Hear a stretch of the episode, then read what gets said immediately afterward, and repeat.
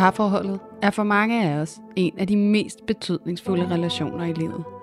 Men det er ikke altid nemt at få det til at fungere sådan, som vi ønsker det. Derfor er vi her, for at give dig alle de bedste værktøjer, vi kender, til at styrke dit parforhold og hjælpe dig til at opdage, at du ikke er alene med de udfordringer, som parforholdet kan byde på. Din værter er seksolog og antropolog Julie Hove, Og selvværdscoach Louise Lukov. og sammen tager vi filteret af parforholdet.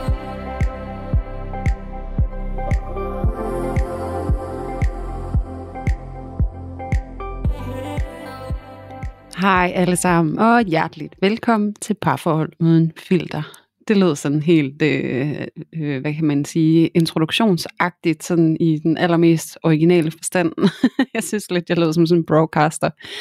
Men øh, ikke desto mindre, så tænker jeg, I kan leve med det, og vi skal simpelthen tale om et sindssygt spændende emne i dag. Og jeg kan godt sige, at øh, vi har lavet os inspirere lidt af nogle af de øh, dilemmaer, som vi kan sidde og følge med i inde i logen.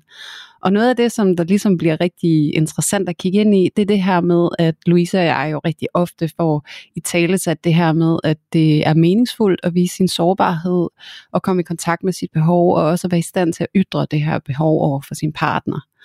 Men når det er sagt, så kan der altså godt opstå nogle udfordringer i forhold til, jamen, hvordan kan vi forvente at blive imødekommet i vores behov? Hvad er det for nogle roller, vi har over for hinanden? Hvad er det for nogle forventninger, vi kan stille til hinanden? Og ikke mindst også, hvad er det for nogle frustrationer, der kan opstå, når det er, at vi ligesom står og kommer i dyb kontakt med et virkelig inderligt behov, og vores partner måske kan møde os. Hvad kan vi forvente? Hvad kan vi kræve? Skal vi kræve noget, og skal vi forvente noget? Alle de her temaer vil vi gerne tale ind i i dag, og det glæder vi os helt vildt meget til. Og vi har jo været så heldige endnu en gang, at vi har fået en rigtig, rigtig spændende og dejlig sponsor med på det her afsnit. Og kunne du ikke tænke dig at sige lidt mere om det, Louise, og også lige sige hej? Jo, det kan du tro, Julia. Hej til dig. Min egen lille broadcaster. Oh yes, oh yes. ah, det var sødt. Så øhm, ved du hvad, hvis nu at alt skulle gå fuldstændig op, og, i, op i havet, okay, op i hat og briller, det gør det allerede, så kan du altid blive radiovært, kan jeg høre på dig, Julie. Ja da, det skal jeg da. Nå, men anyways, vi er jo heldige at være sponsoreret af Hello Fresh i dag, og det er vi jo sindssygt glade for, fordi det er jo efterhånden ved at være et længerevarende samarbejde, at det er det jo af en god årsag. Det er jo fordi, vi er ret pjattet med Hello Fresh, fordi det bare er en løsning, der gør hverdagen nemmere. Det er bare så dejligt nemt at få sin mad på den måde, som Hello Fresh leverer den. Det gør det nemt at tilberede det, det gør det nemt at udvælge, hvad vi skal have, og det sparer os bare for så meget tid, og samtidig så giver det os rigtig meget tid sammen med vores familie. Og det som Hello Fresh har valgt at gøre denne her gang for at mix it up og gøre det lidt anderledes end hvad de er vant til, det er at de har lavet et samarbejde med Disney Plus i anledning af, at der er kommet den her nye film, der hedder Lightyear. Og det betyder, at der er altså i hver uge på HelloFresh madplan, så er der en opskrift udvalgt og markeret som en Lightyear opskrift. Så det betyder, at maden den er astronaut inspireret, og det gør det jo bare lidt sjovere for børnene, og måske også for nogle af de voksne. Så det er et fantastisk samarbejde, og derudover så er der altså også en konkurrence inkluderet i de her måltidskasser, som I får ud. Og Julie, vil du ikke lige sige, hvad det er, man kan vinde i den der konkurrence? Jo, det vil jeg, og jeg skal være ærlig og sige, jeg håber virkelig, at, øh, at jeg er en af dem, som får muligheden, fordi det man kan vinde, det er altså to billetter til Orlando, hvor man kan komme hen og besøge Kennedy Space Center. Og jeg kunne altså godt lige se mig selv med min lille sønnemand i hånden, og komme hen og så se det, og så prøve lige at opleve livet som astronaut for en dag. Men øhm, indtil videre, så må vi jo bare sidde i håbet, og så må vi jo leve med de her øh, skønne, skønne retter, som vi får. Så, så det må gøre astronaut nok i vores hverdag, som det er lige nu. ja. Ja, men det er en kæmpe gave, og det tænker jeg måske også, at det for nogle af jer derude. Så øh, skynd jer og, øh, og få prøvet det her Hello Fresh af, og så øh, endelig gør brug af en af de her spændende opskrifter, som jo også er vildt interessant i forhold til, at de kommer til udtryk på en anden måde. Det er super børnevenligt og rigtig hyggeligt, og, øh, og i næste uge, så øh, kan jeg sige, at min søn og jeg, vi skal have øh, stjerneformede kartofler, og hvad ved jeg. Så der er også noget kreativt udtryk i det, og det synes jeg bare er helt vildt hyggeligt, fordi jo sjovere maden er, jo nemmere er det altså også at få børnene med på det. Så øh, det synes jeg, det er et fedt initiativ i Hello Fresh, at, at de gør det på den måde, så det bliver kreativt og spændende og så gå ind i det sammen med børnene. Ja, Så ej, mega fantastisk. Ja, Ja. wow, okay. Så det glæder mig til. Du må lige sende mig et billede, Julie, når I har lavet de der stjerneformede kartofler. glæder mig det vil jeg gøre. men, øh, men ikke desto mindre, så er det jo ikke kun dig, Julie, der skal have muligheden for at få stjerneformede kartofler. Det skal alle jer kære lytter jo også. Så derfor har vi selvfølgelig en rabatkode til jer i forbindelse med denne her aftale, vi har med HelloFresh. Så hvis I nu gerne vil ind og prøve HelloFresh, og ikke har prøvet det før, så skal I gå ind og bestille deres måltidskasser, og så skal I i rabatkodefeltet skrive parforhold med store bogstaver. Det betyder, at I får 30% rabat på de to første måltidskasser, og 10% på de næste to ud af fire måltidskasser. Og derefter, der vælger I selv, om abonnementet skal fortsætte, eller om I ikke har lyst til at fortsætte det. Det er helt op til jer selv. Så øh, jeg kan altså kun anbefale det, fordi jeg er selv fan af det, og øh, det gør altså bare tingene sjovere og nemmere, og der er også bare det her element af at få variation i maden på en måde, jeg egentlig ikke selv får, når jeg selv skal stå for min madplan. Så hop ind og prøv HelloFresh. Og Julie, så tænker Ja. jeg, at vi skal til at snakke om nogle behov. Det skal vi. Og jeg har faktisk lige lyst til, inden vi kommer helt videre fra vores gode sponsor, så lige komme med en lille sidebemærkning. Og det er jo også bare til jer derude, øh, som jo på samme måde som mange af os andre oplever lige nu, der går lidt inflation i tingene. Øh, med priserne de stiger, og det kan være lidt svært at holde sig inden for sit budget i forhold til, hvad man plejer. Og, øh, og der er det jo altså også rart med HelloFresh, at øh, det er det samme hver gang. Så det er nemt at budgettere med, og det, det synes jeg jo egentlig særligt nu er blevet meget tydeligt, nu hvor vi kan se, at det hele det forandrer sig så meget ude i supermarkederne. Så øh, også bare lige en lille sidebemærkning til, til den her sponsor, at det er jo virkelig, virkelig rart i den her tid. Det er i hvert fald et stort behov for mig, som en, der skal, hvad kan man sige, opretholde min husholdning med den økonomi, jeg nogle gange har, så er det altså virkelig rart med noget, jeg kan stole på. Ja, ej, det er en mega god pointe, Julie. Ja, det synes jeg er mere vigtigt, fordi det var noget, det, det slog mig lige sådan, gud hvor er det egentlig rart, det har ikke ændret sig. Så det, der kan jeg virkelig holde mig inden for budget, ikke? Altså det er Ja. virkelig, virkelig rart at tænke på, det giver noget ro på en eller anden måde, ikke? Ja, præcis. Ej, hvor er det Ja. godt. Jamen Ja. altså, der kan I bare se, der var lige en ekstra bonus ved at bruge HelloFresh, så øh, det synes vi altså, I skal gøre. Ja. Men Julie, udover det behov, skal vi så ikke også prøve at kigge på nogle andre behov? Vi skal så meget kigge på andre behov. Ja, vi er jo, øh, vi er jo inspireret, fordi vi ser, øh, at det er en genganger i mange af de dilemmaer, der opstår inde i logen, hvor vi kan se, at der er den her tvivl på, sådan, hvordan og hvorledes i forhold til, når vi har nogle behov, og er det meningen, at vi skal øh, imødekommes i alle vores behov af vores partner, kan vi kræve det, hvad kan vi kræve, hvad kan vi ikke kræve, og så videre, og så videre. Så vi har lyst til at snakke lidt ind i denne her sådan nuancerede øh, del, der handler om behov, og hvordan og hvorledes vi skal stille os i forhold til at have nogle følelsesmæssige behov, og have en partner, som vi rigtig gerne vil støttes af i de behov. Øhm, ja. For det, det kan være svært, og, og der er mange, der oplever faktisk ikke at blive mødt i sine behov, og blive frustreret, eller blive ked af det, eller føle sig svigtet, eller føle, jamen så er du måske ikke den rette partner for mig, og sådan, det kan gå rigtig mange veje. Øhm, og der er også mange, der måske holder igen med at udtrykke sine behov, fordi de rent og skær faktisk ikke føler, at de kan tillade sig at komme på banen med deres behov, eller føler, at de fylder meget med deres behov, eller føler, de er til besvær med deres behov. Så, så det er en virkelig spændende samtale, vi skal åbne op for lige nu, øhm, med masser af nuancer, det glæder jeg mig sindssygt meget til.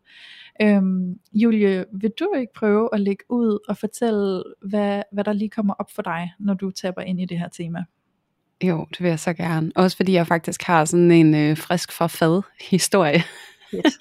fra mit eget liv i forhold til sådan, hvordan at jeg ikke har følt mig mødt i mine behov, og ligesom Ja.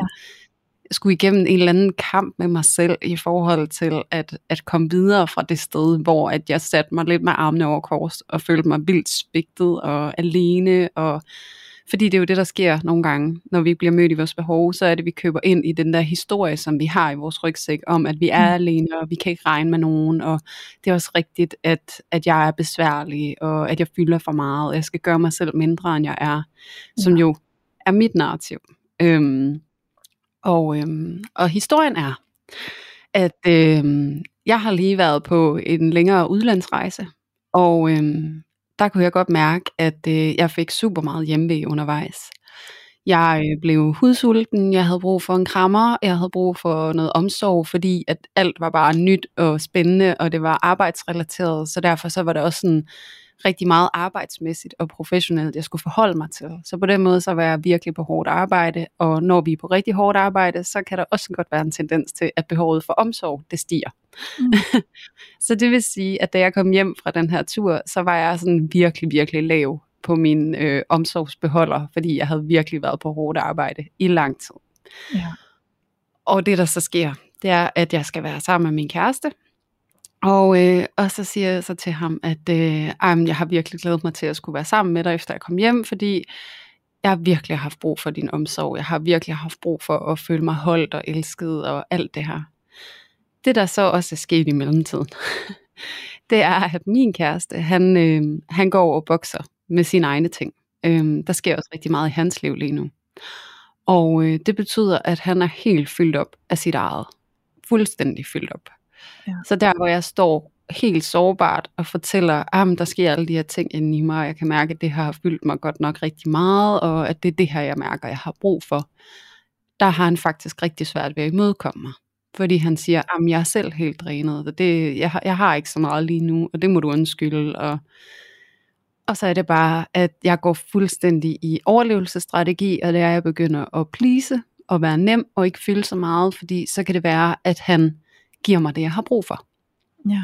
Så jeg begynder at, øh, at prøve at fylde lidt mindre, og være lidt mere positiv, og alt sådan noget, selvom jeg dybest set ikke rigtig evner det, for jeg er selv super presset på ja. en inderside. Ikke? Jo. Øhm, og det resulterer så i, at der er på et tidspunkt, hvor at vi så er sammen, og så øh, får jeg sagt et eller andet, og så bliver han sådan, åh, jeg overgår ikke alle de der spørgsmål, hvor jeg skal forholde mig til alt muligt. Og der kunne jeg mærke, at nu har jeg gået og gjort mig så nem. Ja. Og du kan stadigvæk ikke rumme mig. Ja. du kan stadig ikke give mig den omsorg, jeg har brug for. Ja. Og øhm, som nogle af jer, der har lyttet med i lang tid, ved, så øh, kan min go-to-reaktion, når jeg er i overlevelsesmodus, være at gå på toilettet og låse døren. Mm. Fordi der ligesom er et safe space på en eller anden måde for mig. Ja. Så det gør jeg. Jeg går ud på toilettet, og jeg begynder bare at græde, fordi jeg er så omsorgstrængende. Det er helt vildt. Og hele den proces, der sker inde på det badeværelse, er egentlig det, der er super interessant, fordi jeg kan mærke, at den proces, den har forandret sig. Det jeg plejer at gøre, når jeg sætter mig ud på det her badeværelse, det er at sidde virkelig og have ondt af mig selv. Ej, hvor er det synd for mig. Mm. Ej, hvor er det bare rigtigt, at jeg er helt palle alene i verden. Der er ikke nogen, der er her for mig. Der er ikke nogen, der passer på mig. Jeg skal klare alting selv. Og hvor er han egoistisk, og hvor er det vildt, at han ikke engang bare kan give mig en krammer. Det kan da ikke være så svært. Øhm, og så sidder jeg jo derude, og så har jeg bare dyrket det her narrativ omkring, hvordan jeg er palle alene i verden, og hvordan der ikke er omsorg til mig. Mm. Og det, der var anderledes den her gang, det var, at jeg dyrkede præcis det samme narrativ. Men så skete der noget mere. Og det ja. mere det var, at da jeg havde siddet og dyrket det her narrativ, jeg er pelle alene i verden, han kan ikke engang undre mig en krammer, og nu går jeg her og gør alt muligt for at gøre det nemmere for ham, og han kan stadigvæk ikke være noget for mig. Jeg mødte mig selv med den omsorg. Så i stedet for at sidde og blive forbitret og bebrejdende, så mærkede jeg ind i, okay, det er også et svært sted, jeg er. Det mm. er okay, at jeg er ked af det. Der er plads til det, og det skal nok gå og jeg har mig selv, og jeg skal nok finde ham igen, og han skal nok også finde mig igen. Mm. Det er ikke fordi, han er forkert. Det er ikke fordi, jeg er forkert. Det er bare sådan, det er lige nu. Ja. At vi begge to er et drænet sted, og det er okay. Ja. Og så det her med at gå ud fra badeværelset, og ikke at være bitter på ham. Ja. Den det var nyt. Ja, fordi at det, det, det behøvede jeg ikke at være, fordi at jeg havde omsorg for mig selv, og den reaktion, jeg havde, samtidig med, at jeg også var empatisk over for ham, og hvor han er. Ja. Og det interessante ved det var, at så øh, som et par timer gik, så ændrede stemningen så også imellem os. Mm. Fordi jeg stoppede med at være plisende for at få det, jeg gerne ville have. Ja. Og egentlig være accepterende omkring, hvad der var. Ja. Og så kunne vi mødes i det. Ja. Og det synes jeg var fedt at opleve. Præcis. Det er nemlig fedt at opleve. Jeg kender præcis den proces, du lige har omskrevet. Eller hvad hedder det? Beskrevet. Ja. ja. Men omskrevet er måske et godt ord egentlig, for det er jo lidt det, man gør. Ikke? Man omskriver handlingsforløbet, ja, mens det sker. Ja, Så det var måske bare et ord, der var meningen til at komme ind lige der. ja, det jeg faktisk. Men hvor er det stærkt, Julie, og hvor er det bare fint at høre, og hvor jeg håber, det er til stor inspiration for alle jer, der sidder og lytter med, og som kan tabe ind og resonere med Julies øh, historie, hun lige har fortalt, og det her følelser, der kan komme op, hvor vi virkelig føler os sådan svigtet eller forrådt, øhm, og kan have så svært ved at forstå, hvorfor kan du ikke være der for mig. Ikke? Øhm, mm. Så, så der er virkelig en nøgle i at komme ind og lige se det lidt fra oven, og så bare lige give noget omsorg til sig selv som det allerførste, men egentlig også give omsorg til sin partner for, hvor de står, som er årsagen til, at de egentlig ikke kan være der lige nu, og så huske på, at de gør det jo faktisk ikke for at afvise dig, de gør det jo faktisk ikke, fordi de ikke vil holde om dig, de gør det jo faktisk ikke, fordi de ikke har lyst til at støtte dig, men fordi, at de står et sted, hvor de bare ikke har rummet til det. Og det tror jeg er en ret vigtig erkendelse, vi kan gøre med os selv, når vi står der, for ligesom også at have omsorg, omsorg for hele situationen og for relationen. Ikke? Ja. Øhm, det er i hvert fald også tit det, jeg har skulle erkende, når jeg har siddet der i de samme følelser, du har beskrevet, Julie. Ja, præcis. Og også det der med, at, at netop at få øje på, hvad det er, vi gør, når ja. det er, vi gerne vil have omsorg. Ikke? Altså fordi, ja. at det der jo er sandheden i det her tilfælde for mig, det er jo, at jeg egentlig plejer at blive ret manipulerende. Ja. Øhm, og det er jo det der med at lære at opdage og se sig selv udefra, og så kan man sige, hvordan er du manipulerende? Jamen det er jo faktisk, fordi jeg netop begynder at gå og please for at få det, jeg gerne vil have. Så jeg foregiver, at jeg er og har det på en anden måde, end hvordan jeg er og har det. Og hele den der øh, manipulative måde at prøve at få det, man gerne vil have på, den er utryghedsskabende. Mm. Det skaber et, et eller andet gnidning i relationen, som faktisk gør det, der er helt okay, åbenlyst, øh, svært, det gør det endnu mere kompliceret. Ja. Fordi det der med, at det, når vi begynder at så ændre vores adfærd for at ændre en stemning, så er det også fordi, vi ikke accepterer, mm. hvordan det er. Ja. Hvor øvelsen netop er det her med, at ikke at, at netop at gå i de her strategier, hvor vi prøver at manipulere det til at blive noget andet, men at vi netop går i strategi med ligesom at rumme og omfavne os selv i det der svært, og så det, det næste step, og så prøve også at have empati for, at det andet menneske også er lige så komplekst og fyldt af følelser og alt muligt, som vi selv er. Ja. Og det er okay. Og det er jo også noget af det, der ligesom kendetegner øh, det her, hvis vi går over i sådan et tilknytningsperspektiv. Det er jo det her med, at, at forskellen på at være tryg og utryg, det er, når du er utryg, så tror du, at de her knidninger, det sætter hele relationen på spil. Mm. Og hvis du er tryg, så de her gnidninger, det er ikke noget, der sætter relationen på spil. Det er bare lige et ubehag.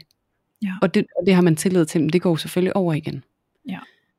Og det er jo det her, man skal lære sig selv på en eller anden måde. Fordi, og, og grunden til, at jeg siger lære sig selv, det er også fordi, at mange af os, vi netop skriver under lidt på sådan en usynlig kontrakt, når vi får en kæreste. Mm. Uden at vi selv ved det.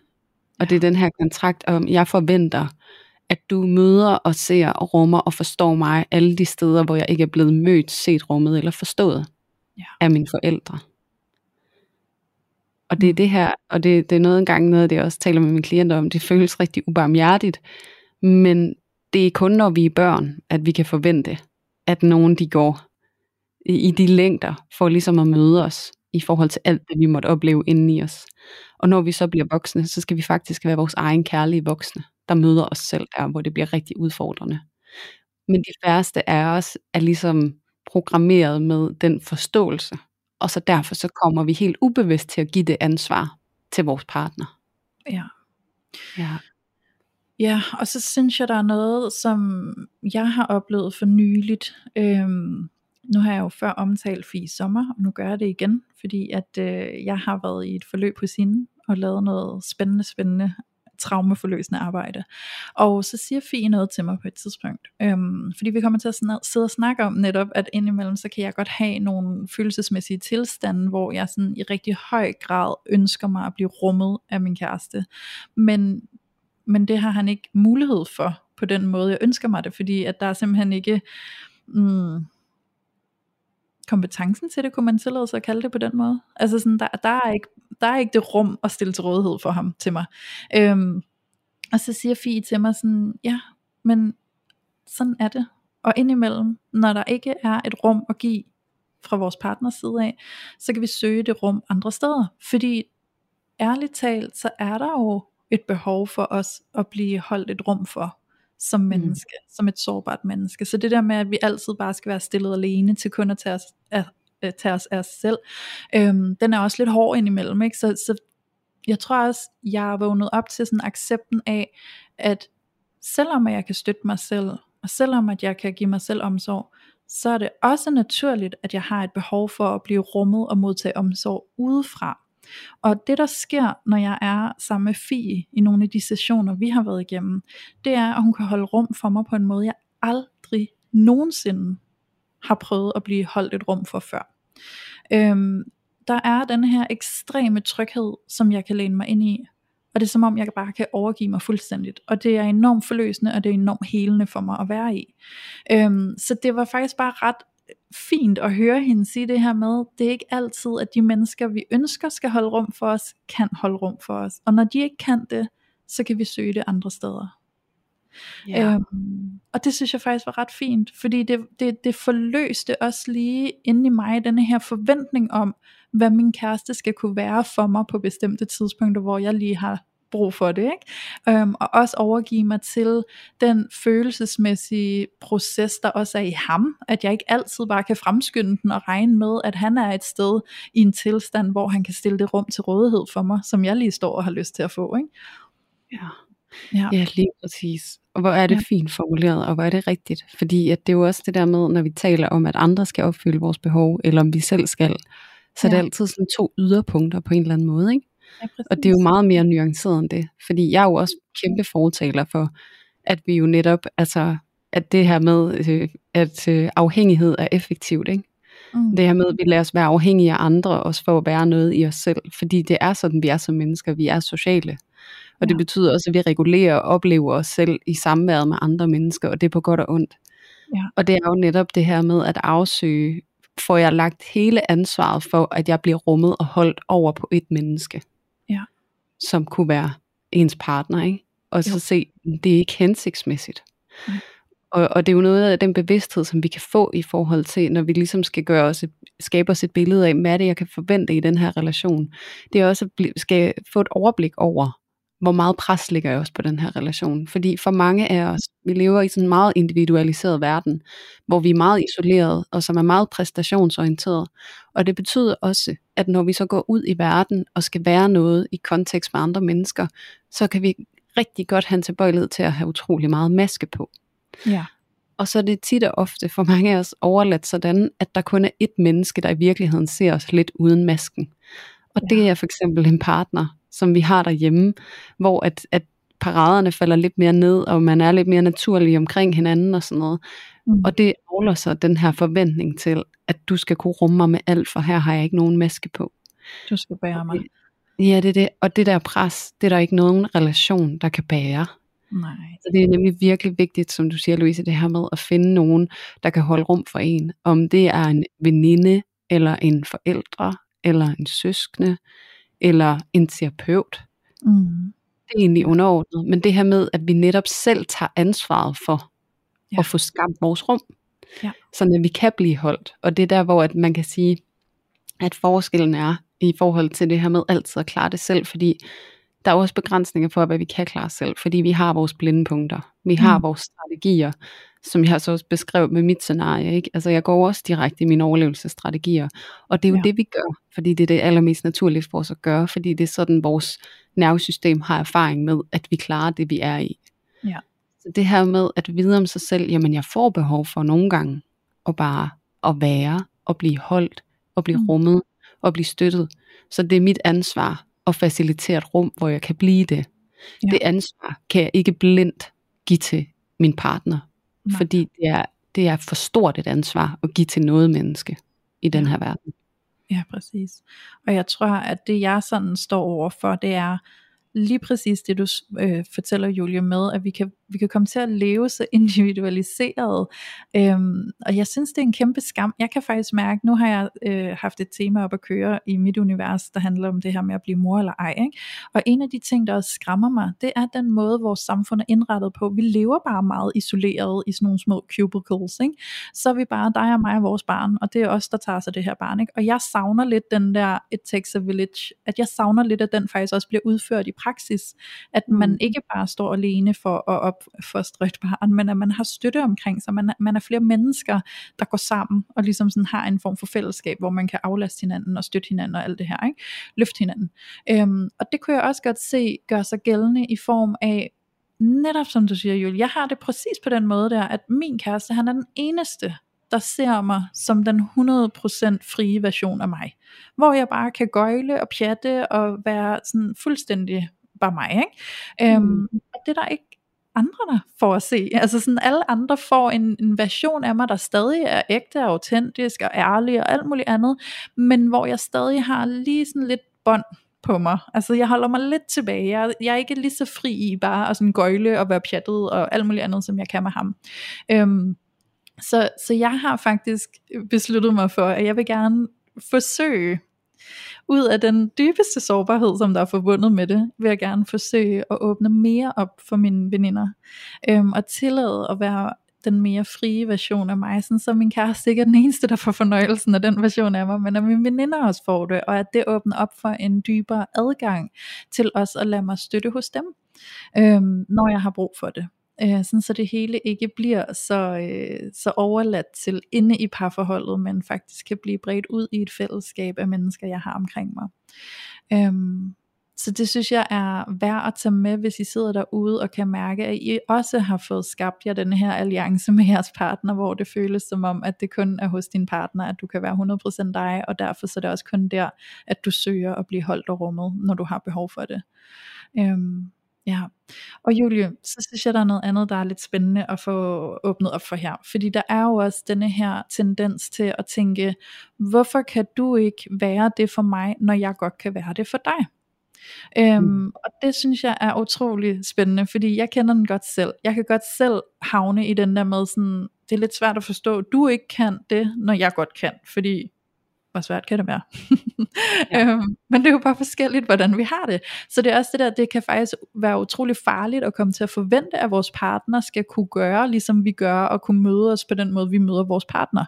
Øhm, så det kan jeg egentlig også godt tænke mig, at vi lige komme lidt ind på, også fordi jeg lå mærke til i et af de dilemmaer, der blev delt i logen, at der var nemlig denne her øhm, situation, hvor at den ene part er øh, meget til rådighed for sin partner, og derfor har en sorg over, hvorfor er det så, at du ikke også har lige så meget rådighed til mig.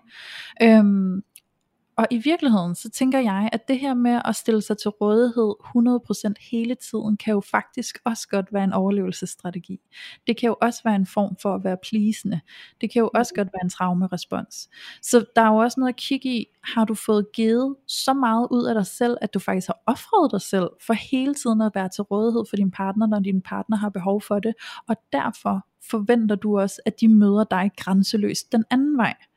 Øhm, så hvis du skal kunne forstå og respektere og acceptere, at din partner har nogle grænser i forhold til, hvor meget de kan være for dig, eller hvornår de kan være for dig, så tror jeg, det er vigtigt, at vi faktisk får indøvet os og begynde at kigge lidt på, hvor er jeg selv grænseløs, og hvor kunne jeg etablere nogle grænser, for faktisk også at give lidt rum til mig selv.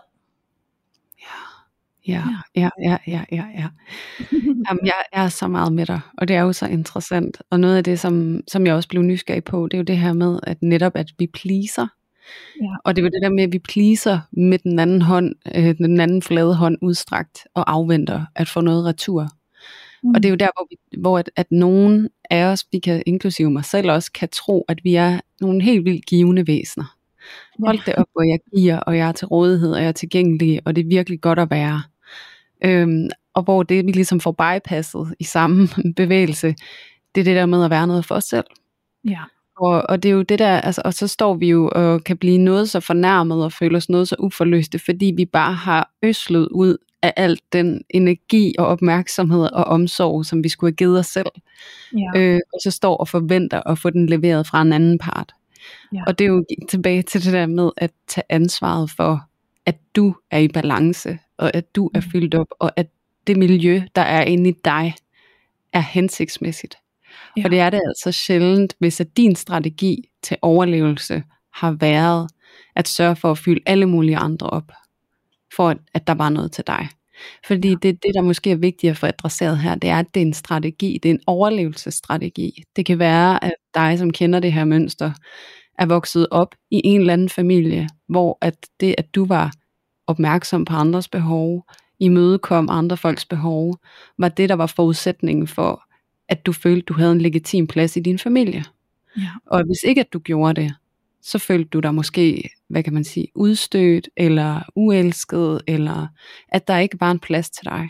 Så derfor så har du lært dig selv, at det er det her, du må være og gøre, for at have en legitim plads i fællesskabet. Ja. Og det er det, vi skal få øje på. Det er, at det er en overlevelsesstrategi for at få adgang til den kærlighed, vi er afhængige af. Mm. Og at vi er nødt til at ændre de her strategier, for at få plads til at mærke omsorgen og kærligheden, fordi det gør vi aldrig rigtigt, hvis vi hele tiden er i vores overlevelsesstrategi, fordi så er vi hele tiden på jagt efter det på en eller anden måde. Og det er også Ja. derfor, det hænger så tæt sammen med den her forbidrelse og bebrejdelse og neediness, fordi at vi, vi er så tomme, og vi har givet så meget, og vi har den her indlejrede forventning om, at når jeg er på den her måde, så er det der, jeg får kærlighed. Og når vi så står der og er på den måde, og ikke får den kærlighed, som vi længes efter, så er det jo virkelig, at kæden den hopper af, ikke? og så bliver vi bidre. Det er jo det. Ja. Ja, og det er jo, som du siger, den der bitterhed, ikke? og den der frustration, den der sådan, jeg giver så meget, altså, så må du da også give lige så meget tilbage, ikke? Altså, Mm. vi kan blive så forbitret over det, men i virkeligheden skal vi jo opdage, at det er vores eget ansvar, vi har givet, som vi har givet. Og altså, vi kan jo ikke gå igennem livet og regne med, at der er en usynlig kontrakt, der hedder, at nu giver jeg dig alt af mig, og så skal du også gøre det samme. Men mindre vi har aftalt det på den måde, ikke, så er det jo ikke en kontrakt, der er gældende. Så der er virkelig også denne her sådan forudindtagethed i det her usynlige felt, hvor vi tænker, at kan du ikke se alt det, jeg gør for dig, så gør dog det samme tilbage til mig. Øhm, og der, der er vi simpelthen nødt til at, at sådan, tage et ansvar i at se sådan, hov, jamen vedkommende har jo egentlig aldrig bedt mig om at gøre alle de her ting. Det kan godt være, at vedkommende har taget imod det, men de har ikke bedt om det, og med mindre vi har lavet en aftale om, at det skal gå begge veje, så er der jo ikke nogen, der skylder nogen noget, så er man faktisk selv til ansvar for, at hvis jeg giver noget, så skal jeg være okay med, at det er det, jeg giver. Med Ja. mindre, at jeg laver en aftale eller en forspørgsel på, jeg vil gerne gøre det her, men kun hvis du vil give mig tilbage af samme. Ellers så, ellers så må vi acceptere, at vi giver for at give, og ikke giver for at få. Præcis. Ja. Lige præcis. Men, og det er jo virkelig, altså, det er jo også det her med overhovedet at få øje på, at det er den adfærd, vi måske har. Og jeg kom lige til at tænke på nu her, mens du sad og fortalte, Louisa, at du sagde det her med, at hvor vi er grænseløse, og måske har brug for at sætte nogle grænser. Ikke? Ja. Og der tror jeg også nogle gange, at så kan vi komme til at tro, at det er, at vi skal sætte nogle grænser for andre, i forhold til, hvad de må bede os om. Nej, nej, nej. Men hvor det er lige så vigtigt at sætte en grænse for dig selv. Altså, ja. at det er det, der er øvelsen. Ikke, ikke at lukke andre ude, men måske netop at så lige holde sig selv lidt igen, der hvor man har impuls Ja. til at få givet mere, end man har. Og så sige, jamen det er en grænse for mig. Ja. At jeg må ikke det her, det her. I stedet for, det er en grænse for dig, at du ikke må bede ham om det her, det her. Ikke? Er jo. Så måske også det der med at få vinklet den, fordi at, at jeg tror for mange, så når vi snakker om grænser, så er det noget, vi sætter over for andre. Mm. Øh, men det der med at gøre det tydeligere, der hvor vi kommer til at give for meget, Mm. er det faktisk ofte et kald på, at vi sætter en grænse for os selv, i Ja. forhold til, at vi vil tillade os selv at gøre. Jamen 100% Men det er så rigtigt, og det er også tit, det er sådan, nej, altså grænser er jo rigtig ofte noget, der kommer op i sessioner med klienter. Det er jeg sikker på, det også er hos dig, Julie. Øhm, og det er jo tit denne her oplevelse af, at hvis vi begynder at snakke om at skulle sætte grænser, så kommer der automatisk den der sådan, øh, fordi det føles bare konfliktfyldt. Altså det føles som om, at man skal til at være sur, og det føles som om, man skal til at stå og sætte foden i gulvet og sige, nej, jeg afviser dig. Men det er jo ikke, altså sådan, det her med at sætte grænser er jo ikke at stå og bare være en kold idiot. Det er jo ikke det, det handler om. Grænser kan jo sættes på en utrolig kærlig måde, og en meget forstående måde. Så det er jo også det her med at opdage, at grænser kan være noget andet, end de grænser, vi har været vant til at se eller mærke i os selv, som først kommer frem, når vi virkelig er, er sådan pisset af. Ikke? Sådan, nu kan det være nok. Nu sætter jeg en grænse, ikke? og det er måske den, vi tit har mødt i andre, og det er måske også den, vi møder i os selv. Og så er vi vant til, at det der med grænsesætning, det ser hårdt ud, og det er konfliktfyldt, og det skaber virkelig bare uvenskaber, og det er ikke særlig rart, og det er fyldt med afvisninger og alt muligt andet. Men hvis vi sætter grænserne, der hvor at vi faktisk kan komme dem i forkøbet, altså der hvor vi kan mærke og nære og ære de behov, der er i os, og så sætte en kærlig grænse, så er det slet ikke så konfliktfyldt, som vi kan være bange for.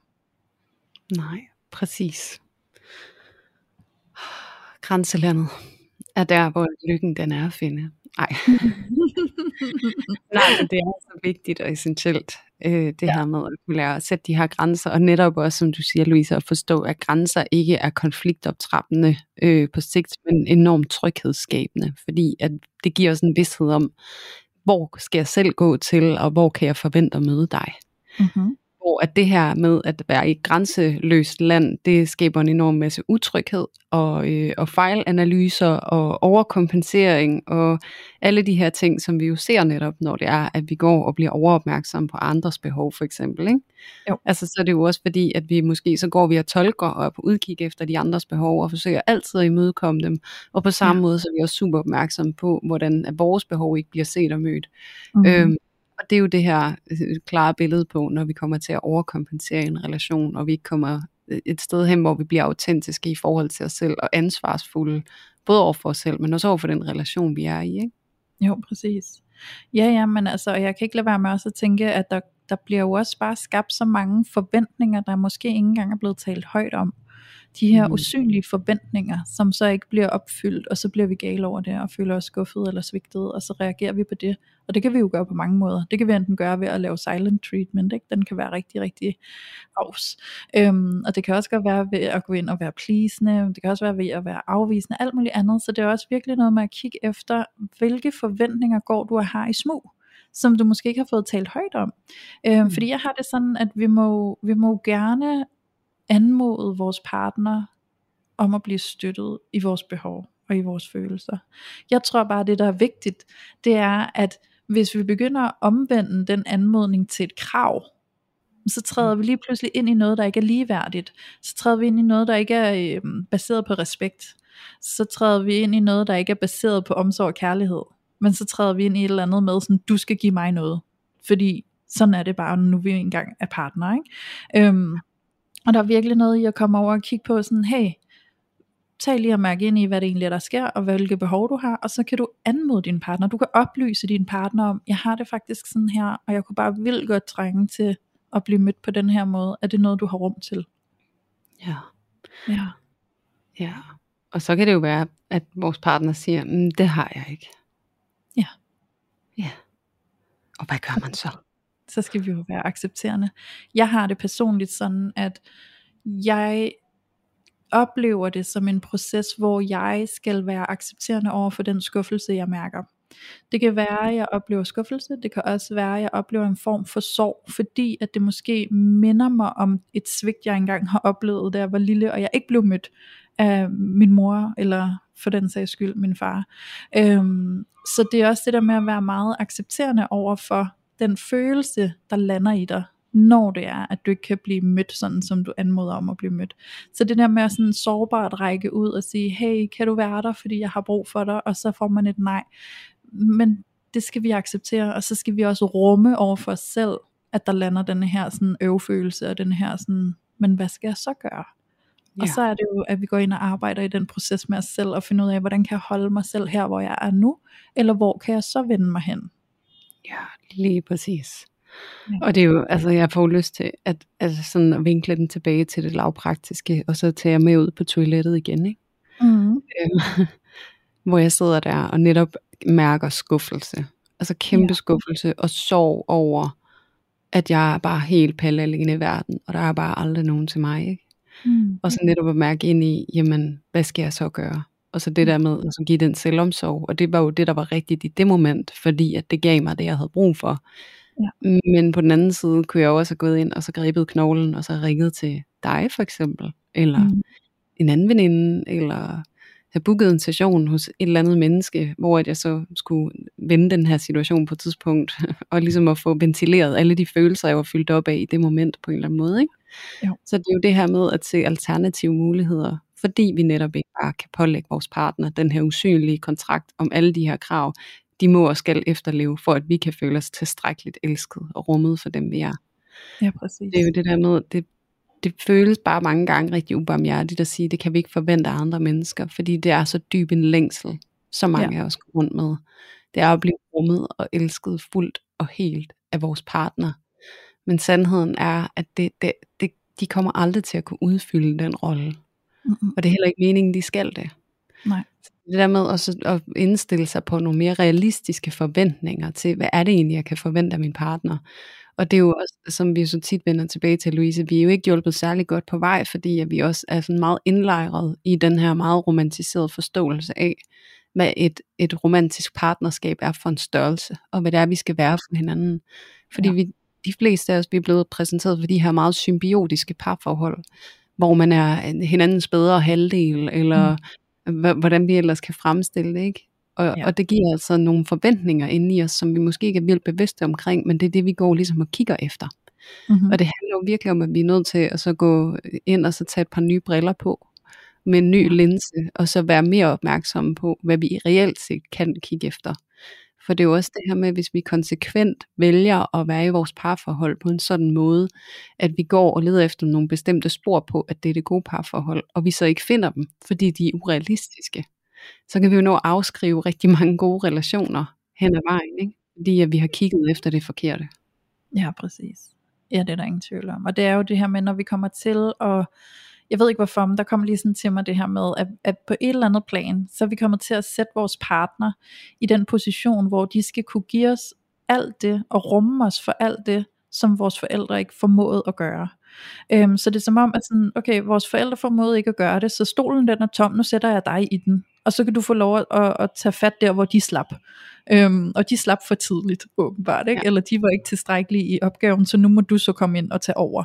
Øhm, og det, det er simpelthen bare ikke, øhm, det er ikke fair at sætte vores partner i den stol, og vores partner har ikke bedt om at blive sat i den stol. Øhm, og og det, det kan bare desværre øh, sætte en masse øhm, ubalance i gang, og uhensigtsmæssige dynamikker i gang, når vi sætter vores partner i den stol.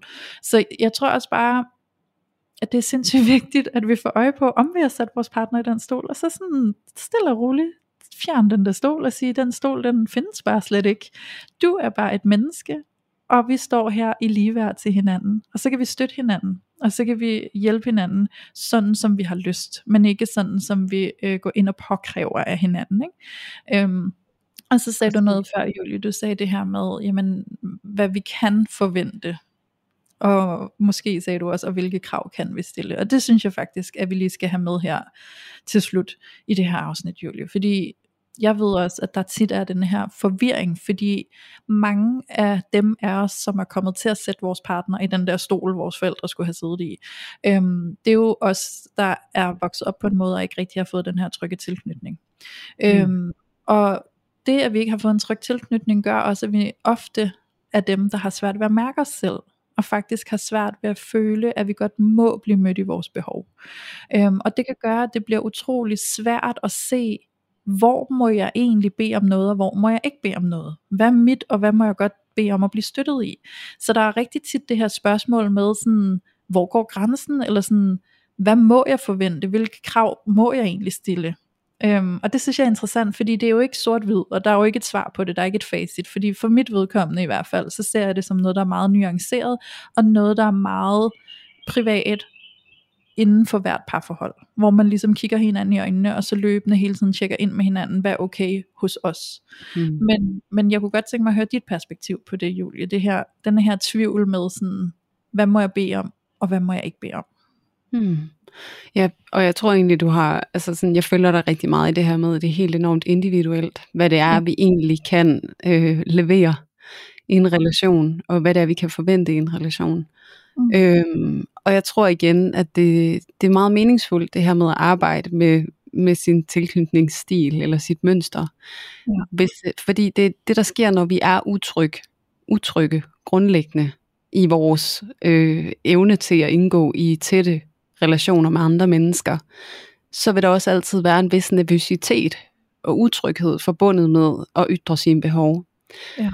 Og jeg ved ikke, om I også kan genkende det her med, at nogle gange, hvis vi står og skal tage en eller anden beslutning om noget, eller bede om et eller andet, og vi føler os utrygge indeni. Sådan, åh, jamen, øh, åh, det ved jeg ikke. Øh, øh, altså sådan, prøv at forestille jer i den situation, hvor I står der, og det hele føles alt for stort til at tage stilling til, hvis I kunne tage fuldstændig frygten ud af situationen. Ja. Og mærke efter. Ja, hvad er det egentlig, jeg for lige her? Ja. ja. Og den frygt, den, den er der jo, fordi at det er netop øh, dine strategier, der på en eller anden måde prøver at beskytte dig fra et svigt. Ja. Så det er det her med netop at arbejde med den her grundlæggende utryghed, vi har som mennesker, og søge at blive mere trygge helt grundlæggende. For det, der sker, når vi bliver mere trygge helt grundlæggende, det er altså, at vi langt nemmere kan komme frem og ytre vores behov. Og vigtigst af alt, vi kan langt bedre stå i en afvisning. Præcis, og det er jo det, der gør, det er jo det, der giver adgang til, at vi tør at sige det behov. Det er fordi, vi kan stå Præcis. i den afvisning. Præcis, ja. og det er der, derfor, jeg siger det der med, hvad hvis man tog frygten helt væk? Ja. Fordi at vi bliver så for sind, sindssygt bange, når det er, at den afvisning, den kan få betydning for, om vi overlever eller ej. Og det er altså det, der sker på vores inderside, når det er, at vi er utrygge i relationer. Så det er altid et spørgsmål om overlevelse, selvom vi rationelt godt kan sige, at selvfølgelig er det ikke det. Men det er, den, det er det system, der er i gang inde i dig.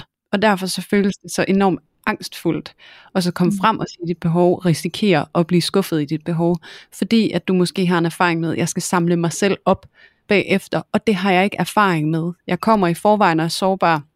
Hvis jeg bliver afvist, skal jeg stå og samle mig selv op bagefter, fordi jeg har lagt det hele kun på dig og i den her mm. relation. Og jeg, har, jeg er ikke blevet lært som barn af mine forældre at følelsesregulere. Det er derfor, jeg netop er utryg. Det er fordi, at jeg ikke har lært, at følelser og den måde, jeg navigerer og eksisterer på, er tryg. Ja. Så jeg, jeg risikerer, jeg sætter mig selv i en situation, hvor jeg kan risikere at stå med det her kaos af utryghed og frygt. Mm. Ja. Så det undgår jeg. Ja. Og så kan man jo undgå det på forskellige måder. Det er jo måske netop ved at please rigtig meget, opfylde alle andres behov, for så at håbe, at dine bliver opfyldt, så du netop ikke behøver at stå i den der angstfulde situation. Eller det her med, at du kan blive ved med at rive det ud af folk. Ja, altså prøve sådan at insistere på det, indtil du så får det på en eller anden ja. måde. Ikke? Jo. Altså fordi at så, så undgår du også at stå der og føle dig uden forbindelse. Ja. Så det er det her med, at vi faktisk netop lærer at på en eller anden måde navigere i den frygt, der følger med helt naturligt, når vi er utrygge. Ja. Så, så det, det er det, jeg ser, der er hensigtsmæssigt. Det er de her, øh, hvad kan man sige, øvebaner, vi giver os selv i at stå i noget, der er vildt utrygt, og tillade os selv at erfare, hey, jeg overlevede. Ja. Jeg klarede det. Og det er også derfor, at den der toiletseance, det var den, jeg tog med i dag, fordi det var faktisk det, jeg gav mig selv muligheden for at lære. Ja. Altså det her med at, at lære, altså rent kognitivt at fortælle mig selv, at der er jo ikke noget at være bange for. Ja, præcis. De følelser, og de er så okay, og de må godt være her. Og hvis du bare lige giver det plads, så, så passerer det. Og så, ja. det, så det, bliver det roligt igen. Mm. Og I skal nok finde hinanden. Og det er det, der er forskellen. Fordi der, hvor vi står, så bliver fuld, virkelig angstfulde omkring at komme frem med vores behov, det er også fordi, at der er et eller andet inde i os, der tror, at det er hele relationen, der er på spil. Ja. Hvis jeg kommer frem og siger mit behov, så synes du, jeg er needy, og så går du fra mig. Mm. Eller hvis jeg kommer frem og siger mit behov, og du ikke kan imødekomme mig, så kan jeg ikke leve med det, så bliver jeg nødt til at gå fra dig. Ja, præcis. Det bliver de der ekstreme situationer, hvor at, at den trygge vil sige, at det er bare følelser. Ja, præcis. Selvfølgelig kan vi ikke altid med hinanden. Det er der ikke nogen, der kan. Nej. Nej. Det er jo også en kæmpe stor forventning på, at du er et menneske. Du skal, mm. du skal kunne bære alt det her, og jeg kan ikke engang selv bære det, ikke? så nu putter jeg det bare over på dig, at du skal bære det.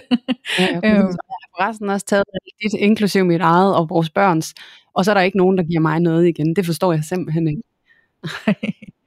Nej, ja, men øhm, det kan vi jo godt sidde og smile lidt af, og det er jo fordi, vi genkender alle følelserne selv. Præcis. Øhm, Ja, så, men jeg håber i hvert fald, at det her det åbner lidt op for noget refleksion i alle jer, der sidder og lytter med, og at I kan tage lidt ind i, hvordan I kan balancere det her med at have nogle behov, og have et behov for at blive rummet, også selvom at der ikke altid er et rum til dig, at så må du skabe det på en anden måde, og vende dig nogle andre steder hen, og søge det rum. Øhm, så, så det er i virkeligheden også et spørgsmål om, at du kan udvide rummet ved at tillade, at det ikke kun er din partner, der kan, der kan være det rum for dig. Ikke? Øhm, og så tror jeg virkelig, der er noget, altså der er jo bare, det her det er jo ikke bare så simpelt, det er jo virkelig komplekst, så der er jo også noget med virkelig at komme ind og forstå sig selv og sine, sine øh, tendenser, som vi har rent følelsesmæssigt og reaktionsmæssigt på de følelser osv. Og, og når vi forstår det, så kan vi bedre arbejde med det. Øhm, og så tror jeg, vi skal tillade os selv at, at gøre vores partner til et menneske, der også står med alt sit, og skal balancere livet. Øhm, og være lidt mere milde og omsorgsfulde i, i den betragtning. Øhm, og så tillade os, at vi går ind og snakker åbent med hinanden om, hvilke behov kan du opfylde og hvornår. Så vi spørger om, om anmodning, i stedet for bare at komme og have et eller andet krav, og nogle gange kan det være et usynligt krav, vi bare stiller sådan indirekte, og så bliver enormt skuffet, hvis det ikke bliver stillet. Ikke? Så mm. det der med at gøre os selv meget tydelige i de behov, vi har, og så spørge, har du rum til mig og mine behov lige nu?